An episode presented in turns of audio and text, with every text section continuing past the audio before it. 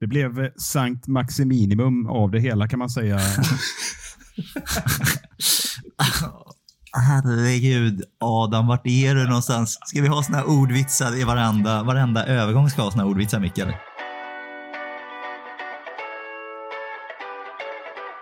Can Manchester United score? They always score.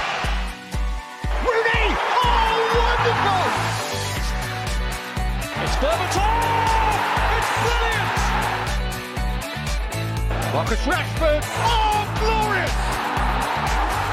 That is a special one! It's Beckham! It's a beauty!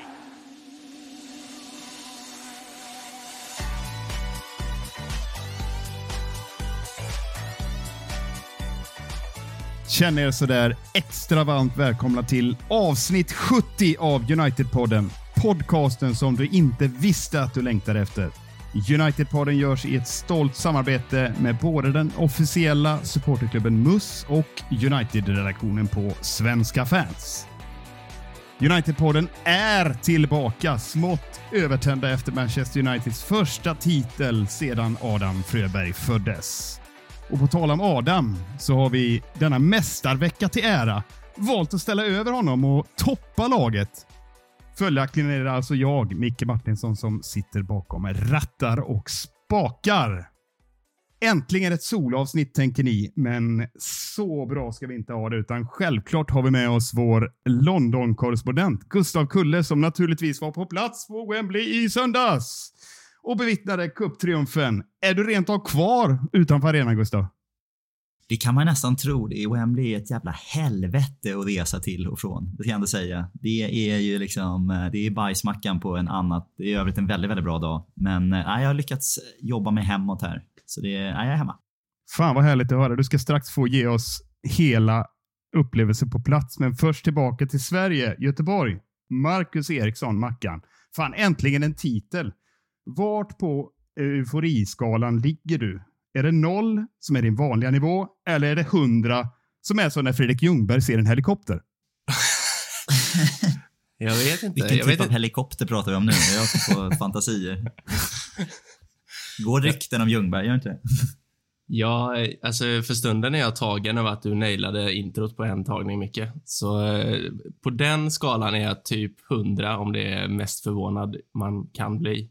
På hur extatisk jag är efter en titel. Men jag skulle, jag skulle säga att jag är uppe och snudda på eh, 80 i alla fall. Så in- inte riktigt på Ljungberg-nivå, men eh, däromkring. Nej, men lite bakgrund där för Ljungberg och helikoptrar då, Gustav, för dig som lyckligtvis slipper att se den här människan och höra honom framför allt, eh, så eh, snappade i alla fall jag upp på, på, eh, på stand-upen inför och även i uppsnacket där att han, han, han malde på om, om att det var så häftigt med att det var helikoptrar i skyn och att det var liksom ett tecken på att det var finaldags. Det är så, gött att komma lite från landet. Man, så här, där- man, man uppskattar andra saker.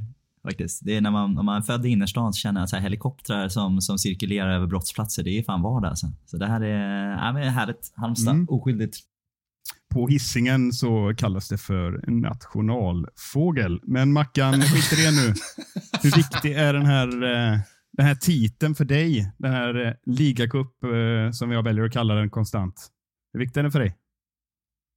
Eh, jo, men fan, ändå, eh, ändå viktigare än vad den eh, i normala fall skulle ha varit. Och det, det tror jag inte bara är för mig, det tror jag är för eh, i stort sett alla United-fans. Eh, titel som titel, lite nu. Det har gått så lång tid att eh, man har saknat den här känslan av att, eh, av att se sitt lag lyfta en pokal. Det känns liksom som att det var hur länge sedan som helst. Det var eh, Europa League-triumf eh, i Stockholm, så eh, nej, men den betyder mycket. Jäkligt kul. Mäktigt. Gustav, eh, tillbaka till dig då och eh, du som faktiskt var på händelsernas centrum på riktigt. Eh, du såg du några helikoptrar eller vad, vad var det egentligen dina favoritögonblick? Otroliga helikoptrar alltså. Det är, ja men du, du, du tar mig lite på sängen här. Jag känner att det var, det är liksom en jävla, det, det är en bra dag. Jag känner att jag kan liksom inte riktigt plocka, plocka segment på samma sätt som när man är ute och reser med dig eh, till Manchester. Det var ju mycket, där fanns det ju mycket, mycket att grotta i liksom. Det är, det är liksom cupfinal. Det här var min andra cupfinal. Jag är 100% på ligacupfinaler, så jag såg Southampton eh, senaste gången vi vann ligacupen. Eh, en viss svensk avgjorde sent. Eh, och det är en jävla, det är en ganska mäktig inramning. Det är något speciellt med att vara på en superstor arena, 90 000 som Wembley tar och att de har den här liksom 50-50 fördelningen. Så du har ju liksom de 45 mest gedigna Newcastle-supportrarna, de 45 000 då, mest gedigna. det var en freudiansk felsägning där. 45 stycken Newcastle-supportrar och 45 000 Manchester United-supportrar. uh, nej, så var det inte. Det var faktiskt, de reste ner i dröser här och tog över Trafalgar Square uh, kvällen innan Newcastle. Så ändå all eloge till dem vad de gjorde. Men det blir en jävla mäktig inramning alltså att ha 50-50 eh, fördelning på en sån stor läktare. Så det är ju, stämningen är ju magisk. Eh, återigen faktiskt all eloge till Newcastle. De, eh, ah, jag vet inte om man ens vågar säga det. Det enda de slår oss i under den här dagen det är faktiskt att alltså, på läktaren är de fan grymma i den här matchen. Alltså. De har, det syns att det är första chansen för dem att vinna en eh, titel liksom sen 56 tror jag, eller 55 eller något sånt. Så det är ju typ 70 år sedan och de var, så de var supertaggade. Medan eh, vi är lite bortskämda tror jag, United-fans. Ligacupen är, det liksom det, eh, det kittlar inte till riktigt lika mycket. Folk kommer in liksom, det är hemskt men typ, alltså Newcastle-fansen är på plats typ två timmar innan matchen och står och fan liksom och, och vevar med flaggor och sjunger liksom under hela uppvärmningen. United-fansen, vi glider in så här tio minuter innan match, missar nationalsången liksom. Det är, så här, äh, men vi, det är lugnt, det här är bara en dag på jobbet. Eh, så, så så av, så där, där är Newcastle starka, men sen så växer vi in i den här matchen och tar ju över. Eh, så det blir, det blir en fantastisk stämning att få, få vara med när, när vi gör de här 1-0 och 2-0. Eh, känns lite, lite mot matchens tempo. Eh, vi kommer att prata lite mer om det, men eh, ger ett jävla skjuts i United-stämningen. Så därifrån sen är det bara en eufori och en, eh, en grym, alltså, grym stämning i andra halvleken. Jag tror att det är liksom en jävla det är bara en dans. Dans hem till titeln. Och, och det är det som avslutas. Så det är väl mitt favoritögonblick när man ändå står några meter ifrån och ser en Ten Hag Eh, hjälp nu, Martinez och Anton är det som dansar va? Ja. Eller Fred? Eller Anton, Nej, Antoni och, och Martinez och Ten Hag. Underbara Ajax-trion. Ja, där mår man bra liksom. Så jag tycker bara all in all en jävla kanondag på något sätt. Och så jävla, man, blir, man blir så glad. Och jag känner på något sätt så kröner det en jävla kanonvecka. Jag tänker att vi kanske kommer att prata lite om tidigare matcher också. Så jag känner väl att det jag slår fast att det är vår bästa United-vecka sen uh, Ferguson. Håller du med om det Mackan? Uh, ja, det är så många att välja mellan känner jag. Nej, uh, jo men Mourinho det... sista i december där eh, jo men fan, det, det får det nog vara ändå. Det tror jag. Ä även om, även om Europa League-titelveckan också var fin med eh, med eh, att återkomst till Champions League och allt därtill. Eh, men nej, hela veckan här, det är nog den bästa. Det får man säga. Instämmer. Eh, nej, men det rapporteras om att det var till och med, jag vet inte om du sa det Gustav, upp mot 70 000 Newcastle-fans som, som inte Ja, det var många som inte tog sig in på arenan. Låg de med driver där utanför då, när du fick vada genom eh, de här svartvita flaggorna och massa annat löst folk? Eller ja, men det ut? var, det, det är ju liksom skrämmande för dels liksom inte riktigt lika mycket röda tröjor på United-fans. Det var ju varenda jävla skata hade ju svartvitt randigt liksom, så det blir ju ganska mäktigt. Eh, det måste jag ändå ge dem och det var ju fullt av Newcastle-fans runt arenan och även på arenan och runt i London. Men det blev ju jävla sordin på den stämningen eh, på vägen hem sen, kan man ju konstatera. Så det, De- De hyllade sitt lag. Vi ska sluta prata om Newcastle såklart snart, men de hyllade sitt lag fint där eh, kort före slutsignal. Får man ändå ge dem. Även om jag hörde betydligt fler United-röster ju längre matchen eh, led, får man ändå ge dem att de, de kändes lite nöjda med att komma tvåa. Ja, nej, men det är sån här loser-mentalitet, så det får de gärna ha kvar. Och det var ju den, den hyllningen de gör där, det var ju on the back av att United hade hyllat, eller fansen vi hade hyllat eh, våra spelare. Så det var en kontring, liksom, att de kände att ah, men nu, nu viftar vi igång våra flaggor sista gången. Så vi ska inte ge dem allt för mycket cred tycker jag. Ja, vi ska naturligtvis eh, kasta oss över denna underbara final och dissekera den in absurdum alldeles strax. Men eh, först så, som, eh, som ni nämner bägge två så var det ju faktiskt en helt okej match här i torsdags också. När vi eh, slog ut eh, storlaget Barcelona med besked. Mackan, vad, vad skulle du säga? Lägger liksom den här kupptriumfen, eh, hamnar Barcelona-matchen lite åt sidan då? För visst var det en rätt okej upplevelse den också? Ja, men alltså li, lite kanske. Den kanske glöms bort. Eh, dels med tanke på att de eh, var så pass tight i schema och förmodligen mycket på grund av att det är Europa League, vilket man inte får glömma heller. Det hade varit något helt annat om det du var Champions det League. Liksom. Nej, det är, inte, det är inte min favoritturnering. Strax bakom uh, Confederations Cup i rangordning, skulle jag tro. Uh, mm, ja. Karjala Cup som är Mickes go-to. ja, jävla underskattad den är ändå. Ja. ja. Royal League. Hur känner du kring Royal League? Ja, men det var en fin satsning. Var den, körde de ens färdigt första liksom, upplagan av det? Eller? Jag, skulle, jag slår ett slag för att man ska ta tillbaka Royal League. Jag tycker det är, det är ett kul initiativ ändå. Ja, vi får göra det. Vi funderar på det. Men tillbaka till, till Barcelona. Jag vill prata mer Royal League. Hur, hur imponerad... Jag, jag kliade där med Adam innan. Hur imponerad okay. är du Gustav, trots att de saknade då i och för sig Gavi och Pedri då, som sägs vara några nya eh, djur. Hur imponerad är du Gustav? Eh, mer imponerad av det än en ligatitel. Jag slår fast att det är vår, nog vår bästa kanske vår bästa insats, individuella insats eh, sen, eh, ja, också sen Ferguson. Uh, sen glansdagarna, men jag, vet inte, jag kanske slår ihop dubbelmötet som vår bästa insats i sig. För jag tycker att det är, vi kan ärligt och rakryggat säga att vi slog ut Barcelona för att vi var snäppet bättre. Vi slog ut ett bra lag, men vi var snäppet bättre uh, över två, två matcher och det är fan inte lätt att säga mot Barcelona. Alltså. De leker ju hem La Liga och det är kanske inte den starkaste upplagan upp, uh, av La Liga just nu. Men Barcelona är säkerligen ett av världens fem bästa lag fortfarande. Uh, vilket, ja, ni kan göra, do the maths, visar ungefär vart United är just nu i, i, i rangordning. Om du får välja Mackan, eh, Freds underbara avslut med högerfoten såklart, eller eh, Favela Tonys iskalla eh, bredsida i den bortre? Nej, men fan, jag väljer Fred här tror jag. jag. jag. tycker att hela den aktionen, trots att han skjuter med benskyddet, är ändå det är klass.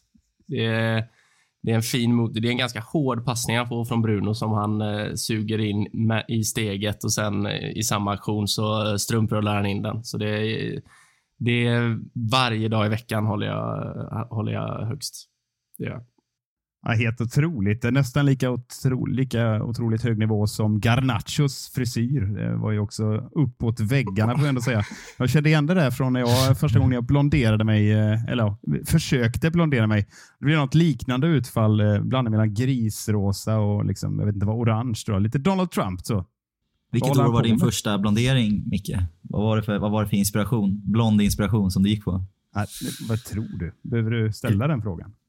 Nick Carter i Backstreet Boys. Ja, det, kan man, det kan man faktiskt tro, men det var, ja, det var faktiskt eh, inte det. Utan eh, Det var en sen blondering. Beckham såklart. Man måste följa allt han gör. Ja, det är fan, jag var jättesvag på Beckham. Ändå så jag har faktiskt bara en enda frisyr. Jag har bara, jag har bara färgat håret en enda gång och obegripligt nog så är det faktiskt en jävla Ljungberg-mohikan. Det är, helt, det är helt sjukt faktiskt. Den här, eh, den här röda, röda, lila, liksom brinnande jävla mohikanen.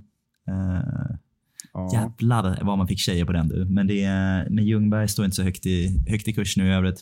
Nej, vi ska stilla eran Ljungberg-hunger. Eh, för, för övrigt spelaren som omnämns ofta i den här podden utan anledning. Men vi kommer strax till det. Men visst är det så Mackan, att om inte jag missminner mig, att det blir spanskt motstånd igen här nu eh, i eh, åttondelsfinal i Europa League.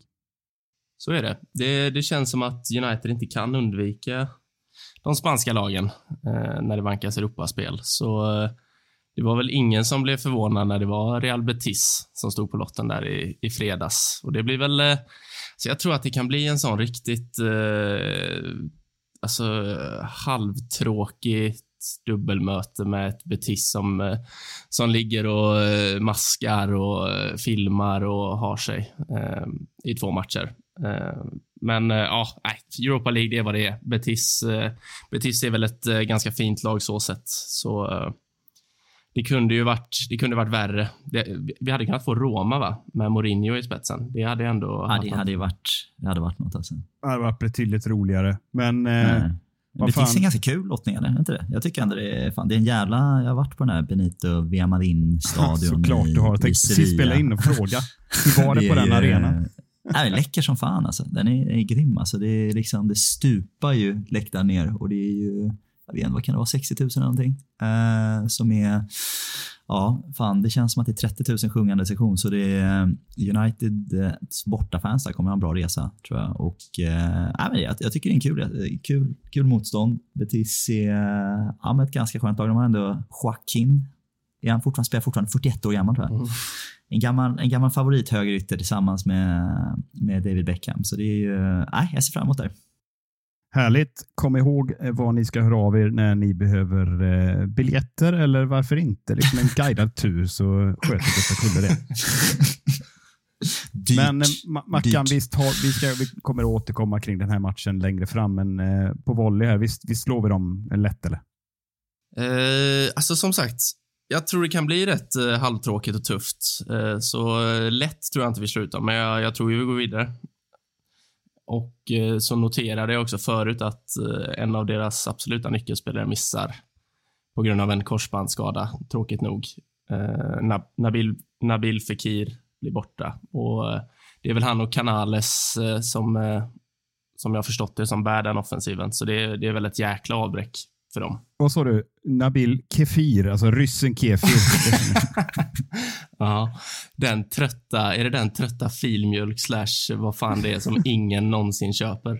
Som eh, alltid står, alltså det finns alltid, Supernyttigt, den ry- rys, ryska filmjölken. Kefir. ja, eh, Nabil Kefir, ja han blir borta i alla fall så det är, det är ju tråkigt för Betis. Nog sagt om detta. Jag tycker vi går tillbaka till eh, den underbara ligacupfinalen.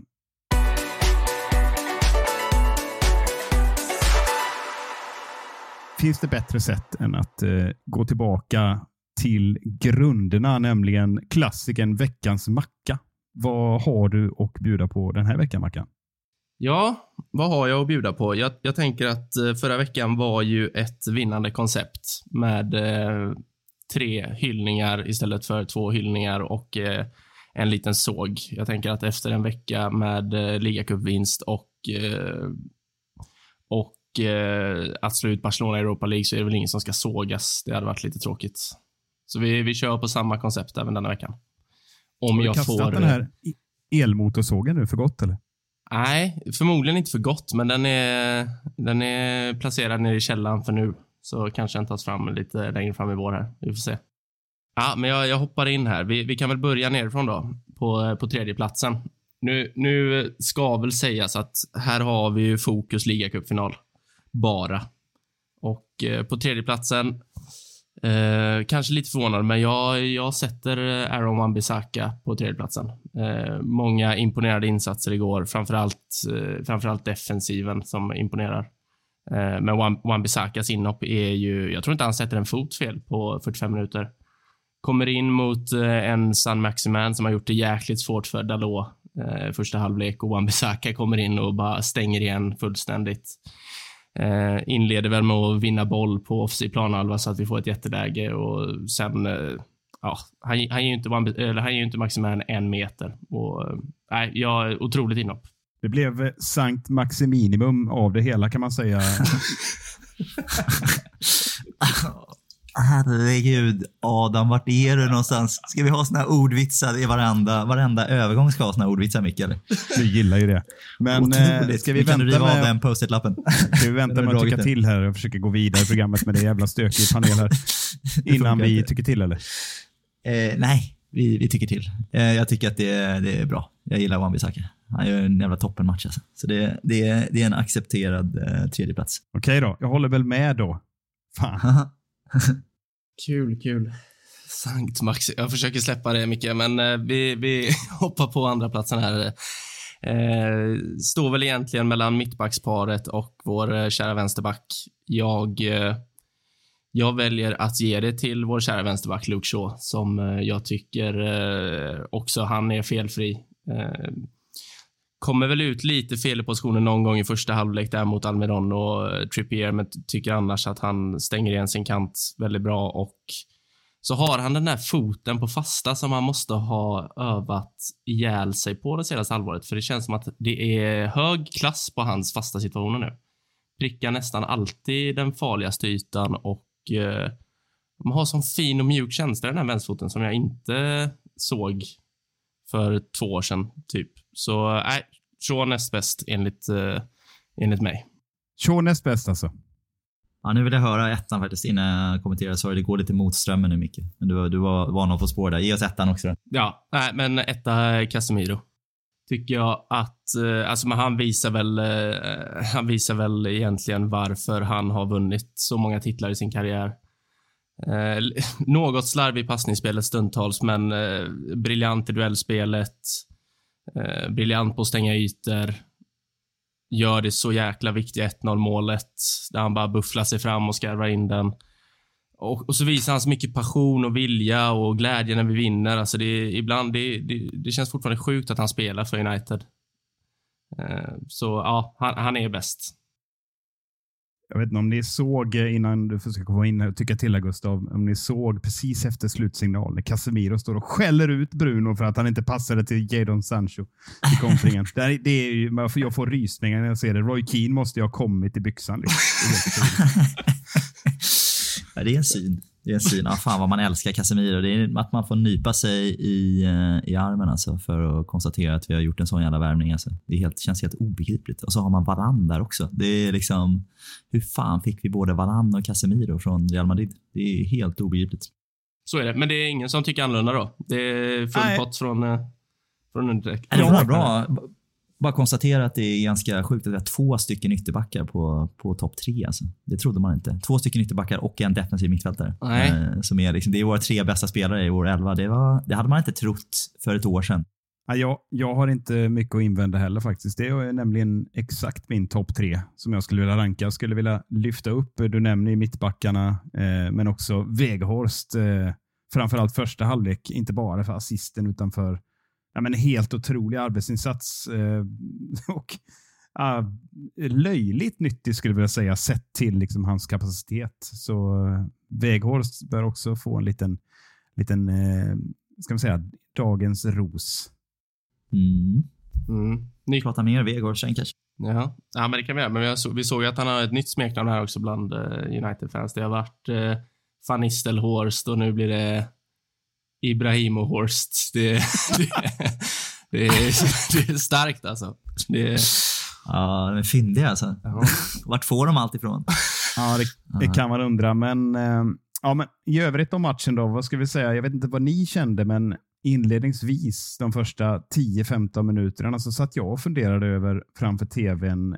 Vad är det för typ av matchplan Ten Hag tänker sig här? Jag vet inte, Gustav kommer snart in med sina betraktelser, men Mackan, vad var din känsla första kvarten? Eh, alltså, jag, jag, vet inte. Det, det, alltså, det kändes ju som att United var eh, något avvaktande, vilket jag ändå hade kunnat se framför mig med tanke på Barcelona-matchen och eh, alltså hur många matcher vi har spelat den senaste tiden. Medan Newcastle har fått vila upp sig efter efter förra veckans Liverpool-torsk så uh, har United spelat mot Barcelona i en Europa League uh, 16 del. Ruskigt osexigt. Mm. Men uh, det, äh, men jag, jag, trodde att vi skulle börja lite avvaktande, men också lite konfunderad över att för det, det såg ut som att vi var lite all over the place första 15-20. Uh, men sen började det väl sätta sig mer och mer. Men uh, lite oroande inledning ändå. Mm oron för fasta situationer och oron för, eh, ja, eh, vi, vi var ju mest oroliga för Trippier då såklart, men också Bruno Gimares som gjorde en bra halvlek. Men, men Gustav, vet inte, kände du dig orolig eller var du liksom lugn i magen? Eh, nej, men jag var nog lite orolig faktiskt första 2025. Eh, tyckte att det var väl en match som, som skulle, skulle sätta sig. Kändes lite, lite liksom ja, men lite oklar. Sån här, Det är väl lite final, finalvibbar. Jag tyckte att liksom Newcastle såg Grundkänslan var när jag tittade i första 20 kändes som att det här var en större match för Newcastle-spelarna än vad det var för United-spelarna. Och det oroar mig lite. Eh, men det är väl så, det är väl så pass bra vi är nu och kvaliteten vi har i den här truppen att det funkar. Liksom. Eller det är ett annat, liksom, det är storebror mot lillebror i en sån här match. eh, vilket gör att det nog ser ut så. Men eh, gammal är äldst på något sätt när det väl eh, liksom comes down to it. Så det är ju, vi, vi åt oss in i den här matchen. Och efter, jag kände efter 20-25 minuter kändes det som att det började se, se ganska tryggt ut. Men eh, i början var man lite, fan får Newcastle ett mål nu och så har de ett jävla tryck på läktaren och så är det liksom jävla go i det här laget och svårt att göra mål på dem. Eh, eller ja, inte riktigt lika svårt när man har Karius va? mellan stolparna. Va? Supermålvakten Karius. Ja. Eh, var lite lättare? Vi, har du något kom, på Karius eller? Vi, vi kommer till Karius, men eh, jag vet att du har något också på honom. Men, men Mackan, fasta situationer satt vi och oroade oss över inför matchen, det vill säga att vi skulle släppa in mål. Men det visar sig snarare, som vi nämnde tidigare, att att vi är hyfsat duktiga numera på det. Vi har ju eh, Chauberto Carlos på, eh, med sin vänsterfot. Var, eh, och lite flyt med VAR-linjer hade vi också. Var, var, är du förvånad över att Newcastle åstadkom så pass lite och att vi känns lite tyngre? Ja, alltså faktiskt. Alltså det, jag vet inte, det har känts som att vi har varit så jävla dåliga på fasta under så lång tid att man blir förvånad varje gång vi faktiskt gör mål. Även om vi nu denna säsongen ändå har, vi har väl eh, skallat in några stycken. Eh, kan inte exakt statistik på det där, men det, det känns ju som att vi blir gradvis eh, farligare och farligare på dem. Samtidigt som vi blir bättre på defensiva fasta, för det var ju också en total jävla Alltså det var ju så dålig kvalitet offensivt och defensivt efter anställning av den här tjommen som jag inte kommer ihåg vad han heter nu. Har ni det på uppstuds? Hans, eh, hans första år i United som fasta situationstränare var ju det, det, var, det var långt upp till godkänt här. Nu kommer jag inte ihåg. Skitsamma vad han heter. Men, eh, ja, men lite. De har ju ändå en snittlängd i Newcastle på 2,10 eller något sånt där i backlinjen. Så jag, jag trodde ju att de skulle hota mer än vad de gjorde. Det, det är, väl, eh, det är väl Burns-nick där i slutet av eh, första som egentligen är den enda riktiga farligheten som jag kommer ihåg. Eh, så, ja, och samtidigt, alltså Luke Shaws framför allt frisparkar från den där vinkeln. Det är som att han viker in dem. Eh, han kan göra det i sömnen känns som nu, nu för tiden. Det är otroligt, eh, otroligt hög kvalitet på dem. Ja, sylvast på alla sätt och vis. Eh, om, vi, om vi tittar lite på Karius då som hade verkligen blickarna på sig inför matchen. Jag tycker nästan lite synd om killen på något sätt, men han står ju där och ser ut som en Sagan om ringen-karaktär i mål. Enormt stor och muskulös. Vad säger du Gustav? Imponerar han på dig eller? Nej, Biffy, nej, det gör han inte. Liksom. Det, var, det var någon jävla reflektion innan. Det var någon som hade skrivit på Twitter att han, eh, en Newcastle-fan som lite allvar, så här, bara, han, har liksom, han har finalerfarenhet i alla fall. Liksom. och det har, jag vet inte riktigt om, det, om man kan casha in det när man har den finalerfarenheten han har från den där Champions League-finalen. Eh, så det, eh, jag vet inte fan, men han är väl, jag, jag känner, jag kan inte min Karius. Han var i Turkiet här nu en sväng, eller var det inte det? Det var där han hamnade efter Liverpool. Ja, han har väl inte spelat match på en tävlingsmatch på två ah, år efter det turkiska det, äventyret. Jag förstår. Jag. Däremot så har, är det inte så att han har liksom jag ser någon bild på honom, han är superbiffig. Någon jävla mer, att jag trodde han hade slutat med fotboll och var någon MMA-fighter eller någonting. så? Jag, jag, såg också att han var kompis med Justin Bieber igår strax eh, innan eh, matchstart. Där. Flera några bilder på han och Justin Bieber. Det, det är ju alltså, lite... Jag är säker på att det var Justin Bieber eller kan det ha varit Garnacho i en hoodie? med sin nya frisyr. Det är lite svårt att hålla isär dem ibland. Ja, faktiskt. Det, det kan ha varit det. Eh, Garnacho infiltrerade Newcastle innan och blev bästa kompis med Karius. Det, ah, Karius och Bieber, det är en jävla, det är en trasig duo du. ja, ja, fy fan. Fy fan. Ja, man kan bli självmordsbenägen för mindre så att säga. Men eh, om vi tittar på övriga rubriker så såklart fångar man ju upp ändå att Alexander Isak kommer in och Newcastle eh, blir väldigt, väldigt offensivt balanserade. Vad, jag vet att vi har pratat det här om, eh, om, om Isaks klubbval, men nu spelar ju faktiskt vår mest namnkunniga anfallare vid sidan av Kulusevski i, i just Newcastle. Vad säger du, eh, Mackan? Eh, imponerar han på dig? Ah, nej, det gjorde han väl inte. Alltså egentligen, jag tycker att eh jag tycker att Newcastle är rätt svaga offensivt, som jag sa här inför finalen. Det är inte mycket som händer egentligen. När, alltså det, det är när Almiron är i sin formtopp så är han ju farlig, men det... Ja, hur ofta händer det? Det händer väl eh, tre, fyra månader per eh, sekel. Så eh, Det, jag, jag tycker att de är ganska trötta offensivt om jag ska vara helt ärlig. Det är en Callum Wilson på topp som eh, bufflar. Det är San Maximan som, som också är bra tre gånger per sekel och så eh, är det Bruno Gimares som förväntas göra lite allting. Så det är lite baktungt lagbygge ändå. Eh, och då kan det vara tufft för en eh, anfall som inte har spelat särskilt mycket att komma in och ska förändra matchbild. Det är jäkligt mycket ansvar på hans axlar Och han fick väl inte uträttat någonting egentligen. Något vi har glömt eller är vi nöjda så? Nej, jag tycker där, där sitter den. Första ligacup-titeln under Ten Hag. Första av många titlar, tror jag. Så det... Där stänger vi den, tänker jag. Jag tänker det med. Eller? Alltså, vi kan ju inte låta ett avsnitt passera utan att nämna den här hallänningen Fredrik Ljungberg. I alla fall jag kan inte göra det. Igen Gustav, jag vill gratulera till dig att Viaplay eh, Sverige inte kan ses i England så slipper du se det här jävla en av de mest enögda expertkommentatorerna vi någonsin har hört. Och i söndags måste jag säga, det slogs ju alla rekord när det gäller opartiskhet. Alltså, eller partiskhet menar jag. Bara skoja. Kolla om ni, var, kolla om ni var med. Men på bästa sändningstid så sipprade det ut ett djupt jävla United-hat gång på gång. Newcastle var bättre. United hade tur. Domaren blåste fördelaktigt för United. Aron van Bissaka är, hör och häpna, kass! Och Jadon Sancho, han är en flopp minsann. Herre min skapare, vilken jävla dåre Ljungberg är som bara pratar om Arsenals juniorlags hörnvarianter och all möjlig jävla gallimatias. Äh, det var pinsamt alltså. Mm. Vad håller han på med? Nej, det men, ska sägas också att han, eh, jag vet, jag vet inte om, eh, om våra lyssnare kollar på eh, Arsenal-matcher så annars, men han satt ju och briljerade under lördagen också när han kommenterade mm, Leicester-Arsenal där. Det var det var några riktigt vassa kommentarer, bland annat när eh, Bakaya, som eh, han säger, eh, viker in från eh, 25-30 meter och skjuter ett skott som... Eh, det, är, det är så dåligt, det skottet. Det landar på rad Z och eh, det slutar med att eh, Fredrik Ljungberg sitter och pratar i 15 sekunder om att han har, han och, han och Bakaya har eh, tränat på dem sedan han var 14 år och det är kul att se att han är så bra på det.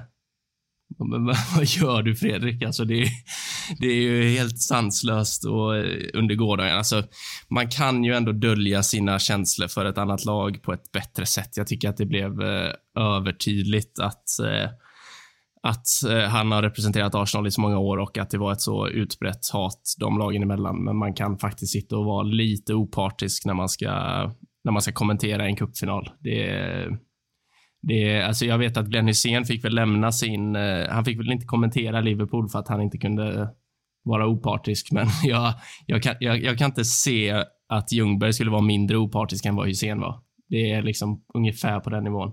Så nej. Jävligt, jävligt konstigt val av kommentator. Det, det, det måste bli tydligt för Viaplay också tror jag. Alltså jag skulle vilja, jag vet, jag vet om du, du kanske har, har du mer rant på specifikt Ljungberg där? Annars skulle jag lyfta den diskussionen ett lager upp. Eller? Micke vill du köra lite mer, mer på Ljungberg, få ut lite Nej, mer här. Jag tror jag orkar inte för då blir jag på. Gå igång där. Är det är rätt. Nej, men jag, jag, jag, har faktiskt tänkt på det här. Jag, ser, eller jag har sett klipp av Ljungberg så jag vet ju på ett ungefär vad det handlar om. Men det är faktiskt samma sak här i, eller inte samma sak, men det är samma, samma utgångsläge här i, här i England också. Vi har ju väldigt tydliga klubbaffiliationer på, på experterna eh, framförallt. Eh, och det, jag tycker det är fan problematiskt. Och Det gäller även alltså, extremt mycket United-experter förstås. Här är liksom Keane, Scholes, Gary Neville, eh, Rio Ferdinand. Evela dyker upp då och då. Eh, vi har Henry som snackar Arsenal och Shearer som alltid sitter och håsar upp sitt Newcastle och Carragher förstås på Liverpool. Och jag kan känna att det är jag tycker det är ganska oproffsigt. Liksom. Jag, jag, vill egentligen inte höra Gary Neville snacka United. Tror jag. jag tycker det är ganska konstigt när United möter Everton att man har liksom viktningen på att det ska finnas en United-expert eh, där som snackar United. Jag tycker att det ska man egentligen hitta i andra, andra sammanhang. Jag tycker det är konstigt, i, framförallt i matchrapportering, att vi har har så stark, stark förankring på experterna till ett av lagen. Jag tycker det är jättekonstigt. Jag, jag kan tycka att det ger någonting eh, Alltså lite extra. Det är väl eh, till exempel när United möter Liverpool så är det väl Carragher och eh, Neville i kommentatorsbåset. Det kan, det kan ändå ge lite. Det blir Det lite... är okej. Ja. Det är okej. Då Men- har man ju liksom balanserat upp det. Ja, men sen är det, är också lätt som det har varit mot United att de X-spelarna blir jäkligt mycket hårdare för att de, de har varit i United när vi, när vi var som bäst och sånt och då blir det nästan överdrivet åt det hållet. Eh, och, och när det går bra så kanske det blir överdrivet åt andra hållet. Det, det är svårt att hitta den där eh, gråskalan. Vad, vad är okej? Vad, är, vad är för mycket? Vad är för lite? Eh, jag, jag tycker ändå Bojan är rätt bra på det där. Jag tycker att han, eh, han kan ändå vara opartisk och eh, ändå visa, visa sympatier på ett vettigt sätt, vilket eh, är lurigt. Men eh, jag, jag skulle inte sätta Bojan i kommentatorsbåset när United spelar kanske, på samma sätt som jag inte skulle satt Ljungberg i båset när eh, något lag spelar egentligen, men eh, jag, jag tycker att det, alltså mitt starkaste minne av Ljungberg är ändå när när Sancho gör mål mot Chelsea förra året. Jag vet inte om ni kommer ihåg detta, men Sancho bryter boll av Jorginho på mittplan och är fri mot målvakten med en, med en offside-springande, ska tilläggas, Marcus Rashford och eh, Sancho passar då inte utan han fintar ner Mendy på knäna och rullar in den i öppet mål. Ingenting mer med det liksom, men då sitter Ljungberg i studion efter och eh, kritiserar Sancho för att han eh, inte passar och eh, därför är en självisk spelare som sprider osämja i omklädningsrummet. Det, det tycker jag ändå är, eh, det säger väl allt om Ljungberg som, eh, som så kallad expert. Nej, det, var, det, var, det var pinsamt. Han hyllade liksom breddspelare i Newcastle i parti och minut. Det var, det, var, det var sanslöst. Jag kommer ihåg, du tog upp det här den gången också när Sancho gjorde det där målet, minns jag nu när du säger det. Och det jag bara säger så här, fokuserar du på helikoptrar istället. Trafikmagasinet får göra comeback och ett helikopterspecial så, Ja. så, så kan vi lägga det åt sidan. Ja, vi, vi kommer inte bjuda Ja, in honom till podden i alla fall. Jag tror inte han, eh, jag tror inte han hade tackat ja ändå, men eh, vi kan utesluta det. Ja. Nu blev det djupanalys på Ljungberg, men jag kände ändå, jag blev sugen när du snackade Bojan här och att han var opartisk. Jag vet att Micke har en stark Bojan-imitation. Hur, hur låter det när Bojan är lite opartisk i studion? Det, sånt här lever du ju för. Nu får du chansen. Nej, vad fan. Peggar upp den i midjehöjd och så förväntningarna skruvas upp, men eh, Nej, men se på Crystal Palace. De har en riktigt bra mittfältare, Milivojevic. Min pappa känner honom. De tog Röda Stjärnan till Champions League-final. Han är bäst. Ja, starkt ändå. Hur låter det om, om Jan Guillou kommer in sen och snackar med Crystal Palace? Honom har, du har en stark Guillou också. Ja, det finns... Eh, ursäkta mig. Det finns eh, två intressanta fenomen när det gäller Crystal Palace. Dels eh, mig själv och i viss mån det jag skriver. Nej, vi skippar det här. Men bra, då var Ljungberg-ranten avklarat. Då går vi vidare. Och vet ni vad? Ni, ni hänger med.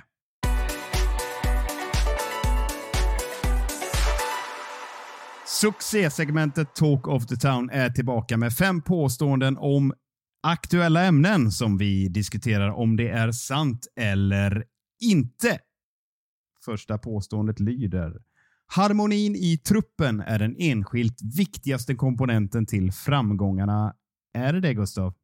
Det är ganska, det är ganska aggressivt påstående. Det känns som att det finns så extremt många komponenter till, till framgångarna och det börjar väl och slutar väl med Erik Ten Hag, tänker jag. Eh, det, det känns väl kanske, om jag ska vara krass, kanske som den allra största största anledningen till att det går så bra som det gör just nu. Den verkan han har haft. Men då är väl ett derivat av det är väl vad han har lyckats göra med trupperna, tänker jag. Och det är väl framför allt att sprida en, en harmoni. Men det är också det är liksom harmoni, det är alltså vinnarmentaliteten som han har fått in. Eh, dels med sina spelare men även även då fått bort, fått bort liksom dåliga, dåliga spelare och där, där handlar väl om, om harmonin i, i, i ganska stor utsträckning i och för sig. Då. Men eh, jag tycker, ja, jag känner att det, det är många, många bitar som gör att vi är, är på rätt väg nu. Eh, är truppharmonin nummer ett? Jag, jag gör en sån här bara att jag, jag bara snurrat runt. Jag är inte säker faktiskt. Låt, låt mig klura lite, skicka till Mackan och så kan du få bestämma och så ska jag klura om jag tycker att det verkligen är nummer ett eller inte. Jag, jag, jag tycker nog det här är sant. Jag tycker också, jag är som eh, Gustav inne på lite olika spår här, men jag landar nog i att det är så att harmonin är den viktigaste aspekten. Ehm, man ser, jag, jag, tror man glömmer lätt vad den här spelartruppen var för tio månader sedan, typ. Det var ju liksom det var, det var inget lag. Det var ju eh, 25 individer och eh, några stjärnor som tyckte att de var, mer, li, eller var lite mer värda än resten. Eh, det var liksom rapporter om att spelarna inte ville vara kvar till efter sex för att det var för mörkt då på Carrington. Jag, alltså, Ten Hag har gjort så mycket, både gällande harmonin, både gällande kravställning, vad man förväntar sig av varandra. Så eh, nej, jag, jag säger att det är sant. Ja, för det, harmonin i truppen som jag tolkar det är liksom ett resultat av det du är inne på Gustav. Eh, börjar och slutar med Erik Ten Hag. Som, ni, som du är inne på Mackan. Ta bort eh, störande element. Eh, flytta Maguire till bänken. In med karaktärsspelare som, eh, ja, Varann fanns ju redan, men, men eh, Martinez, Casemiro. Eh, men sakta men säkert, så precis som du är inne på Mackan, som jag ser det, så så verkar man ha jävligt roligt och det verkar vara det är klart att det är tävlingsmänniskor och det är klart att det säkerligen smäller på träningarna, men man kan inte, i alla fall som supporter, se eh, några schismer öppet på något sätt eller se, se någonting som känns eh, problematiskt. Och det ska till exempel en sån som Maguire ändå ha en liten, inte eloge, men eh, han har ändå skött det där snyggt. Tycker han kunde ha stökat betydligt mer, eh, vilket kunde ha skapat eh, ja, men en fortsättning på Ronaldo-soppan. Så det är väl, eh, jag, jag håller också med om att det här är sant det här. Ja, nu har jag, nu har jag värpt på det här och har kommit fram till att här, det är bara halvsant. Att det, är, det är ändå två, två aspekter som gör att vi presterar så bra som vi gör nu. Det ena är harmonin och det andra är att, alltså, talangen i truppen på riktigt. Alltså den talang som vi har i den här spelartruppen är och har varit väldigt, väldigt hög under många år i grund och botten. Det är ju faktiskt väldigt mycket samma spelare här som vi kommer att avhandla här framöver också med Wan-Bissaka och Shaw. Liksom det, det, finns ju, finns ju och Rashford. Liksom, det finns ju gott om namn som presterar jag har alltid pratat om det här att liksom presterar truppen nära sin maxkapacitet och det känns som att vi börjar närma oss det nu. Liksom. Och det var länge sedan. Uh, och det är ju, jag har alltid sagt att vi har haft liksom, kvaliteten i truppen. Det är bara att vi har varit så himla långt ifrån liksom, max, maxprestationerna. Så jag säger att det är 50-50 mellan harmoni och uh, alltså, talang, talangfull trupp. Två och en halv eh, medhåll på harmonin. Evighetsdiskussionen är över. Aron Wan-Bissaka ska gå före Dalot. Det här är ditt expertområde, Mackan. Jag vet att du älskar att prata om våra ytterbackar och, och framförallt på de här två herrarna. Ja. Vad säger du? Är det sant? Eh, fan, jag tycker den här är svår också. Alltså. Eh, men jag säger att det är falskt. Trots att jag tycker att Wan-Bissaka har eh, gjort nästan allting rätt sedan VM-uppehållet så eh, tycker jag väl att hans brister eh, i, alltså när vi är bollförande och hans eh, ganska uppenbara brister i offensiven gör att Dalot för mig går före. Sen, ty sen tycker jag att, alltså helt ärligt, att jag, jag, har absolut inga problem med att våra, alltså två, tre, fyra år framöver att vi har Wan-Bissaka och Dalot på högerbacksplatsen. Jag ser Wan-Bissaka som en fullgod ersättare och en otroligt nyttig spelare att ha. Som när vi, när vi möter ett lag med, ja, men, med, med en skicklig vänsterytter. Fan in med Wan-Bissaka och stäng den kanten. Så, så, så är det problemet borta. För han, lö, han löser ju det i 99 fall av 100. Men eh, för nu så tycker jag att Dalot bör vara... Eh, han, han bör gå före. Det tycker jag. Jag tycker att det är, jag, jag håller med i mångt och mycket. Det är intressant igen att vi sitter här liksom och liksom snackar om de här ytterbackarna där vi liksom, Wan-Bissaka har ju fått sig slänger om att han ska, han ska bort och säljas etc. Jag vet att det, det finns soundbites där ute i, i, i eten någonstans och att jag ändå försvarade honom ganska tidigt som en absolut habil andra back. Liksom att jag alltid tyckt att han har extremt starka en mot en eh, egenskaper och liksom trummat på det här att när, låt oss se hur det ser ut i en välfungerande backlinje och ett välfungerande försvarsspel över hela plan. Och det är väl det vi är där någonstans nu och då, jag blir inte superöverraskad då att backarna ser individuellt väldigt mycket bättre ut när vi försvarar väldigt mycket bättre kollektivt. Eh, jag tycker, jag tycker Van Bissaka är grym. Jag tyckte det redan från början. Jag tycker att det måste vara en jävla mardröm att möta honom som, som ytter. Liksom omöjligt att komma runt ut på kanten eller komma runt honom. Eh, så jag tycker att vi har, vi har två, två egentligen jämngoda eh, högerbackar just nu som, som Mackan är inne på ska användas i olika matchsituationer. Eh, så jag, jag tycker absolut inte att han ska gå före Dalot i alla matcher. Utan just nu känns det som 50-50 och så handlar lite om vilka typer av, eh, av matcher vi kommer spela. Men det vi kan hylla honom för med en gång tycker jag ändå är att eh, han har ju tagit kliv i det offensiva spelet eh, som han fått så jävla mycket kritik för eh, tidigare och det gör ju att han kommer närmare att gå om Dalot eftersom att det är Dalots styrka. Så eh, nej, jag ser fram emot att se att de kamperar ihop här en, en bra stund framöver. Mm, jag får ta på mig dumstruten här, för jag har ju dömt ut bägge de här spelarna flera gånger om. Så jag vet inte hur jag ska hämta mig från det, men det sista har väl precis som alla andra favoriserat Dalot, men jag tycker ni eh, har en vettig analys här och eh, Dalot är offensivt starkare. Wan-Bissaka är defensivt starkare. Perfekt, behåller vi bägge två och så eh, kan vi säga att det var det mest otydliga segmentet någonsin. Vi har tre eh, mittemellan-svar. Får, får, jag, får jag bara lägga till en till, en till grej som jag tycker är så jävla coolt med Wan-Bissaka?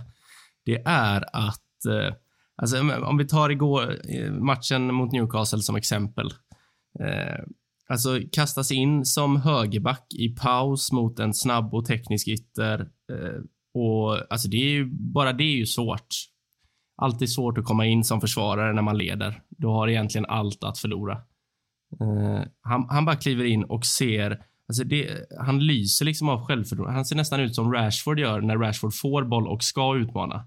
Rashford vet att han kommer ta sig förbi. Wan-Bissaka vet att ingen kommer komma förbi här och det är så jävla coolt att se att han, han liksom låter Maximen, Maximinimum stå och, eh, stå och trampa lite, göra några kroppsfinter och så bara vänta bara. Men ryck då. Ryck, försök ryck förbi mig. Han, han vet ju att det, det går inte och det är så jävla coolt alltså. Otroligt. Eh, jag blir imponerad varje gång. Det nej, det är häftig egenskap. Och fin var han också då, om vi ändå ska nämna det, när han går upp och stötbryter där jättehögt upp i plan och, och är med på en väggpass. Han är bara liksom en millimeter ifrån och, och näta också. Och sen hade han väl ett avslut eh, ytterligare. Så han var ju stekhet även offensivt. Ja, jag och Adam sa det när vi kollade matchen. Hans eh, steg i sättning när han ska skjuta är bland det sjukaste man har sett sen då. Han ser ut som en, eh, han ser ut som en trestegshoppare. Det är liksom så här. Det är, det är så mycket ben. Ja, det är så otroligt mycket ben och det är stödfoten alldeles för långt ifrån bollen så det blir, ja, det blir nästan lite som Veghorst. Att han, det ser ut som att han ska landa på rumpan varje gång han skjuter. Men det, det hör ju till hans, hans spel så det, det, det är bra att det är så på något sätt.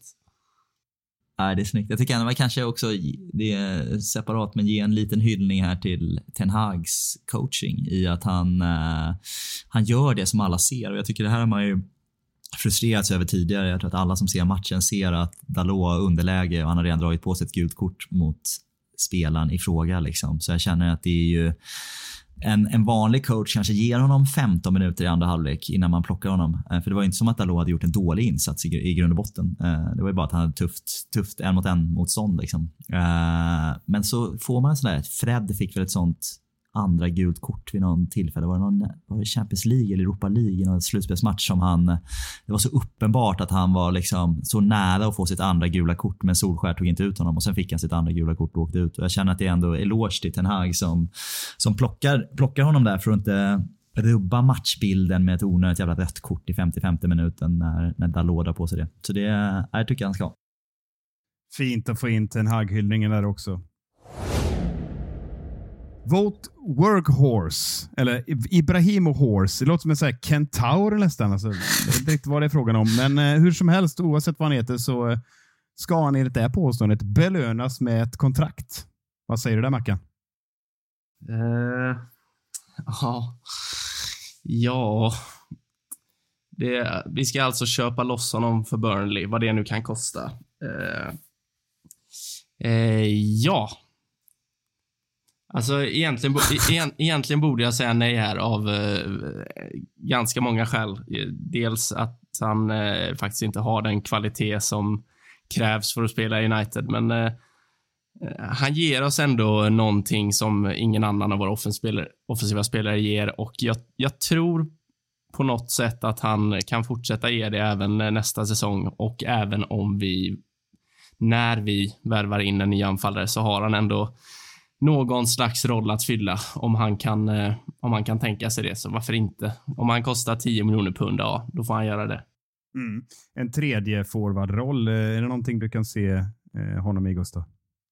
Eh, det, är väl, det är väl det han hade blivit då. Då känns det som att, ja, vad, vad kostar det då? Uh, det, kanske, det skulle man kunna göra kanske, men det är min, min så grund, grundinställning alltid med sånt här med kontrakt och köpa spelare bara typ så, här, så länge tränaren, om jag tror på tränaren och så länge tränaren vill ha honom så absolut. Liksom, om, det här är, om det här är någon som Ten Hag känner att han vill utnyttja liksom 20 25 matcher eh, i, som rollspelare i vissa typer av matcher. Eh, fine. Eh, om jag tittar på det själv så känner jag väl att det måste ju finnas bättre anfallare där ute. tänker jag. Som ett par kanske. Som, eh, som även har, kan avsluta. Liksom. Nummer nio som även, även kan skjuta. Liksom. Och nicka kanske. Känner jag. Det, det är ju, jag, jag gillar, gillar det han gör, eh, Voto. Jag tycker att han är liksom all respekt för det jobb han gör. Jag tror att han har större inverkan på vad som händer bakom honom med Rashford och att, att Sancho kan komma in så här enkelt och Bruno Fernandes liksom renässans här igen, att han är på, han är på topp. Eh, så han gör jätteviktig nyckel där, men jag tänker att det måste finnas bättre, bättre alternativ. Så om, om Ten Hag inte får in två andra nior, för jag utgår ifrån att Martial inte kan vara, liksom, fortsätta vara kvar i den här truppen liksom, på det här sättet nästa säsong. Så ja, plocka in Vot för, för 10 miljoner får han vara en tredje, tredje anfallare. Har vi två stycken eh, sant på den alltså? Det vill säga, eller ja, kan man också säga. Ja, vi, vi kastar med ett tredje. Klart som fan vi ska med Woot. Woot. Ja, nej men det, jag, jag, jag är med Gustav där, men eh, jag, jag, tror ju tyvärr att Martial kommer, kommer lämna i sommar. Eh, och jag har svårt att se oss värva mer än en anfallare. Och då står vi där igen med bara en anfallare i truppen, en utpräglad. Så ja, varför inte? Mer än att... Men vi måste väl de facto värva en till anfallare? Eller Vot måste värvas här, för vi har, inga, vi har ingen option på honom. Eller? Nej, men det var det, lite det jag menar. Jag, jag har svårt att se oss värva... Eh, ja, precis. För jag, jag, tror ju att en värvning av en... Det kommer ju kosta liksom. Det är en Osimhen det snackas om. Det snackas om Kane lite löst fortfarande. Det vi kommer ju inte under 100 miljoner pund-strecket. Nej, så får se vilken ägare vi har då. då trumvirvel in på nästa tott kanske. Otroligt Gustav. Ibland så. Maguires bästa insats någonsin är ett bevis på att Glazer out blir verklighet inom kort. Och lite kontext på det behöver vi nog ha. Gustav kanske inte såg det här, men eh, det var rätt eh, roliga bilder som utspelade sig när United-spelarna skulle gå upp eh, den här fina pokalpromenaden upp på läktaren för att då lyfta pokalen. Då går alltså Harry Maguire helt sonika förbi och så kallat han gör en så kallad airning utav Glazers, nämligen bara gå förbi utan att ta i hand. Och eh, Kan vi säga det som ett tydligt tecken att även om han är bänkad så är det ändå kaptenen som total dissar eh, våra ägare. Vad säger du där Gustav? Är det ett tecken? Ja, jag satt, precis, jag, jag satt på andra, andra sidan läktaren så jag såg inte detaljerna när de gick igenom tunneln där, men jag antar att ni såg det på tv. Då. Det är min, min magkänsla i det här nu när man har sett det i efterhand är lite att Uh, Maguire vet inte hur Glazer ser ut. Liksom. Han är så jävla, han är så jävla disträ, så jävla meathead. Bara, vilka är de här Glazer som det pratas om hela tiden? Liksom? Är det liksom, vad, håller, vad håller de på med, med någonting? Han har ingen aning om att de äger den här klubben överhuvudtaget. Eller hur de ser ut. Eller att de skulle komma på matchen. Så jag känner mer att det, det är mer sannolikt. Maguire-utfall liksom. Men det är väl en bra insats i sig. Eh, att, han, att det är hans liksom, svaghet på något sätt blir hans styrka för en gångs skull. är det svar nog eller? Jag vet inte ens, vad var, var det ett påstående här någonstans? Ja, vi, vi, kan, eh, vi håller på att utvärdera Maguires insats just nu, men påståendet egentligen är ju då, eh, det ryktas ju också, ska vi förtydliga här kanske, att, eh, att Glazers kan bli kvar med hjälp av någon hedgefond, rik sådan i Gustavs bransch som kliver in med ruggigt kapital här, Mackan. Vad, vad skulle du säga om det inträffar? Hur illa mår du på en skala då? Ja, ganska illa ändå. Eh, men ändå bättre än om det blir Qatar. Luddigt svar, men eh, eh, så är det. Men som, som jag har förstått det, den här potentiella investeraren, det är de som gick in i Milan också. Och blev ju inte succé.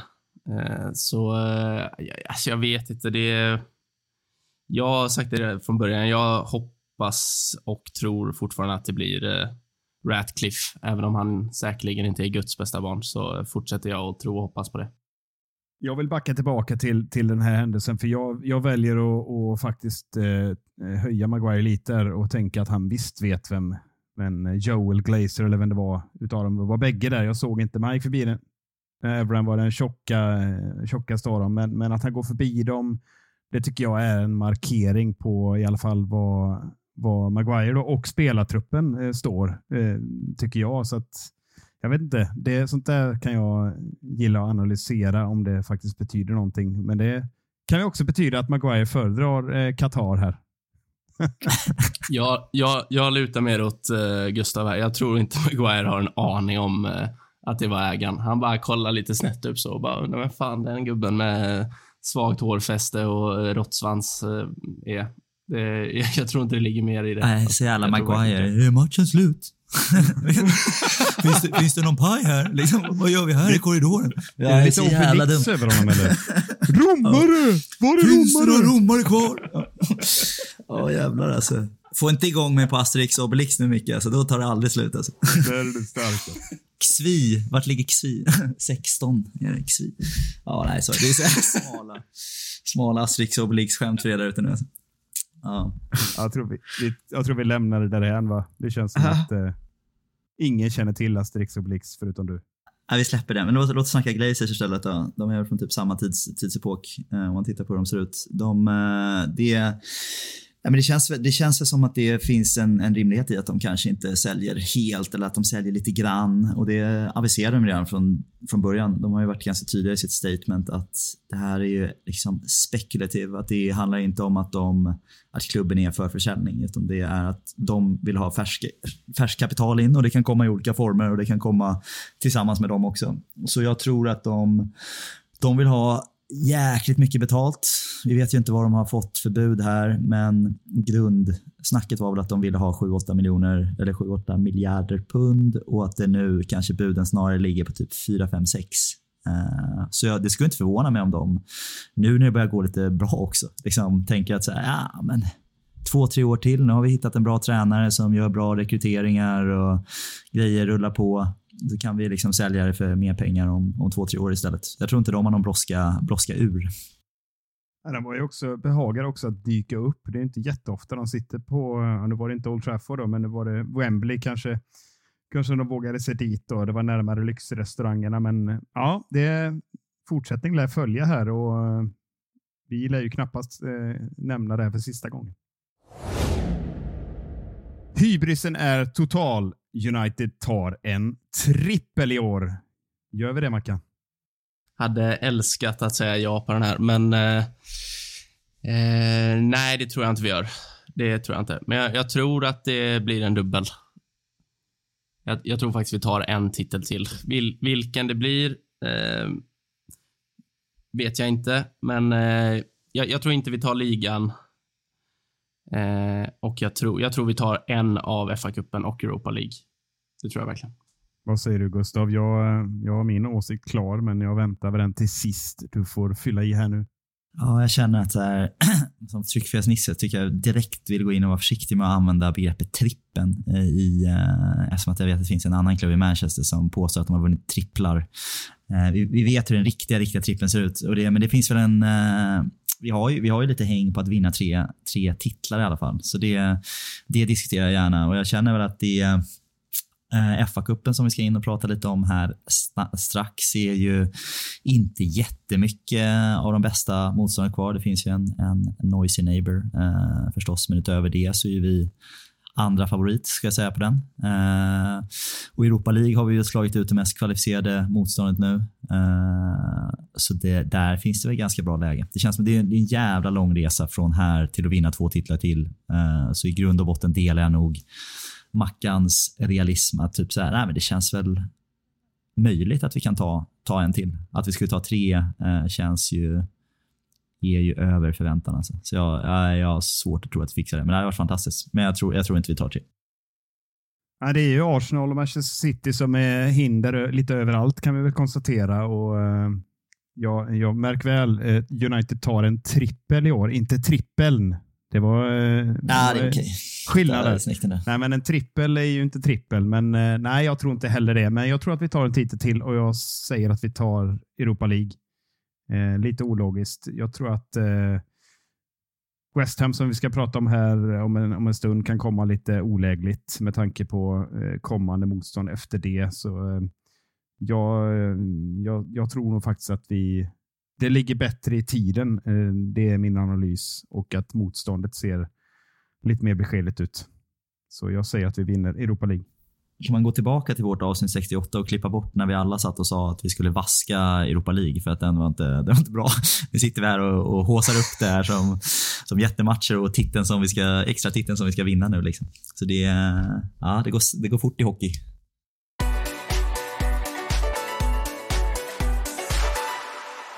Härnäst väntar alltså West Ham hemma på Old Trafford i FA-cupens femte omgång på onsdag kväll klockan 20.45. Och eh, ska bara säga så här när vi släpper lös Gustav på eh, motståndarkollen att eh, vi kan droppa en liten nyhet här mitt i avsnittet, eller ja, sent i avsnittet, att vi kommer att släppa ett till avsnitt denna veckan eh, inför eh, nästkommande motståndare som är då Liverpool på Anfield. Eh, så eh, luta er tillbaka och njut av eh, ett dubbelavsnitt denna veckan. Men eh, innan Gustav som sagt får gå loss här så är jag är jättenyfiken på Mackans eh, liksom omdöme om West Ham. Vad, vad tycker du om dem egentligen?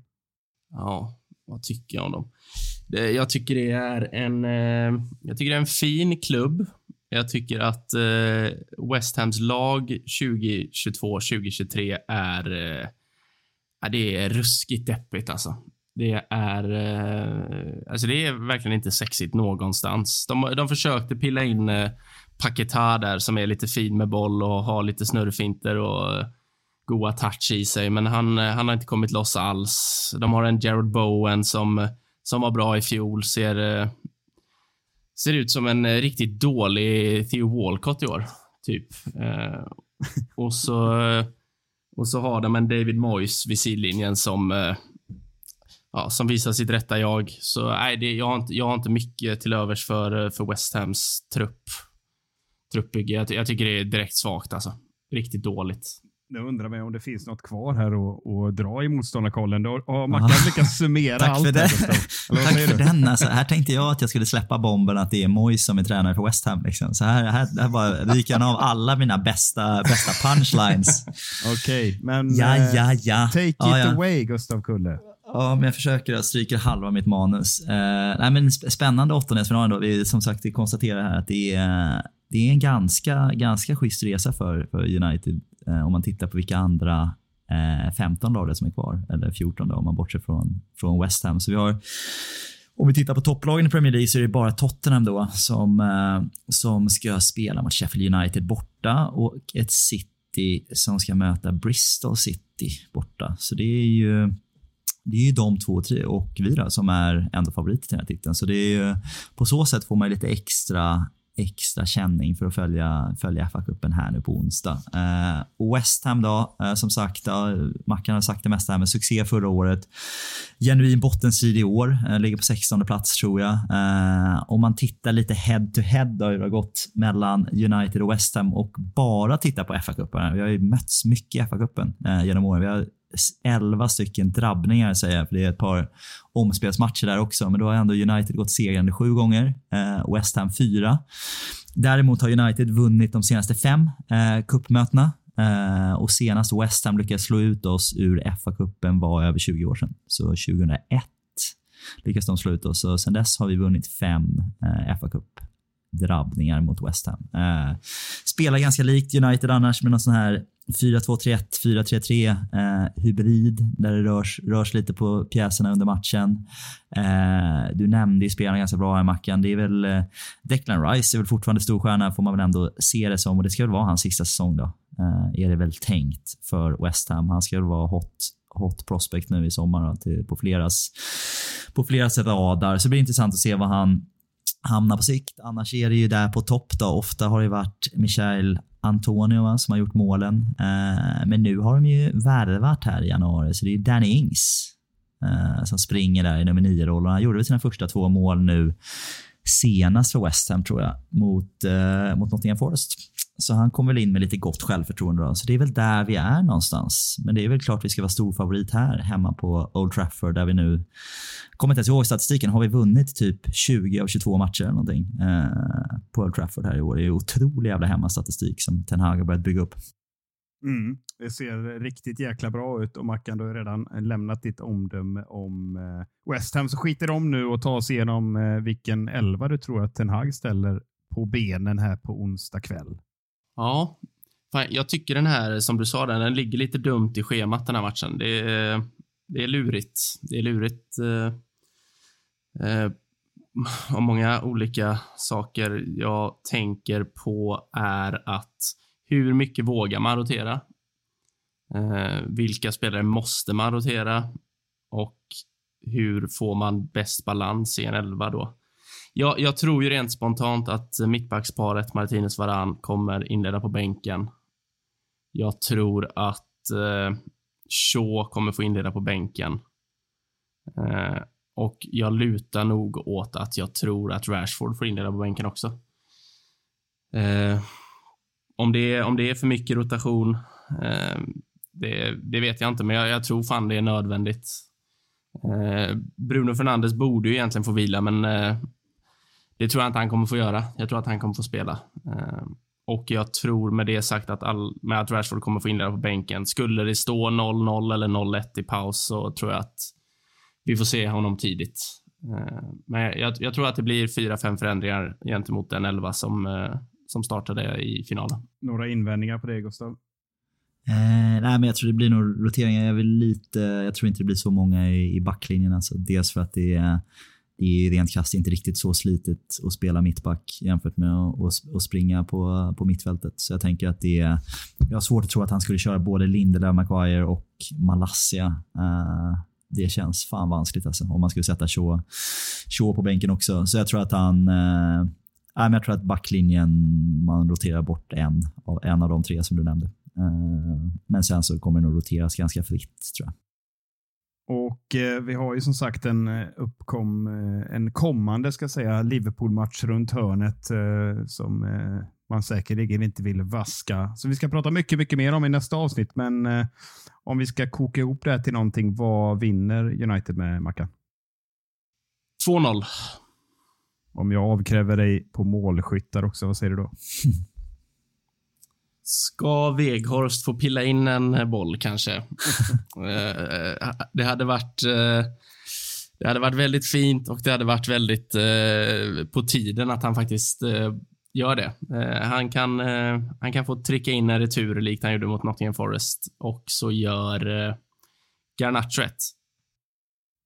Ja, Gustav, nu är det upp till oss att bräcka mackan här. Har du något bättre att komma med? Ja, nej, det har jag absolut. Nej, det är, jag tänker att det är ja, men en 2-1. Jag tror att vi vänder, vänder underläge eh, igen. Så vi ligger under med 1-0 men vinner, vinner 2-1. Eh, målskyttar vågar jag inte. Det vågar jag inte på. Micke, hjälp mig med målskyttarna. Ja, nej, men, eh, jag tycker Garnacho låter ganska bra. Så inte Weghorst lyckas få iväg några skott. Så jag ser att det blir en eh, det blir ett fint gammalt hedligt kanonskott av eh, Fred. Fred, en Wan-Bissaka vänsterfot annars, tänker jag. Med en sån jävla pendelsving. Alltså. Den hade ja. man sett. Ja, den hämtar han långt bak. Nej, men jag går givetvis in och eh, säger rätt resultat. Här. United vinner med 1-0 och Marcus Rashford hoppar mycket riktigt in i andra halvlek och avgör matchen som man brukar göra mot West Ham. Det gillar vi. Mot alla nu för tiden. Är vi nöjda så, eller vad säger ni? Det tycker jag väl. Tycker Fantastiskt jag väl. ändå. Bra, starkt jobbat, jobbat ändå, Micke. Måste jag säga. Jag har, eh, jag har saknat Adam hela, hela avsnittet, men jag tycker ändå du har gjort det, du har gjort det ganska bra. Ska vi, ska vi gå upp och ändå fan ge dig en 3 plusare idag? Alltså? Nej, det gör vi inte. Vi stannar på 2 plus. Nej, det ska Nej, inte vara så. Jag känner mig trygg på 2 plus-nivån, men eh, ja, vi säger så tycker jag. Det. Vi, vi, vi stannar där. Vi skiter i att utvärdera er. Det får lyssnarna göra. Stort tack Gustav. Stort tack Mackan. Men framför allt tack till er som har lyssnat. Ni är bäst. Njut av att vara kuppmästare. Vi hörs snart igen. Ta hand om er.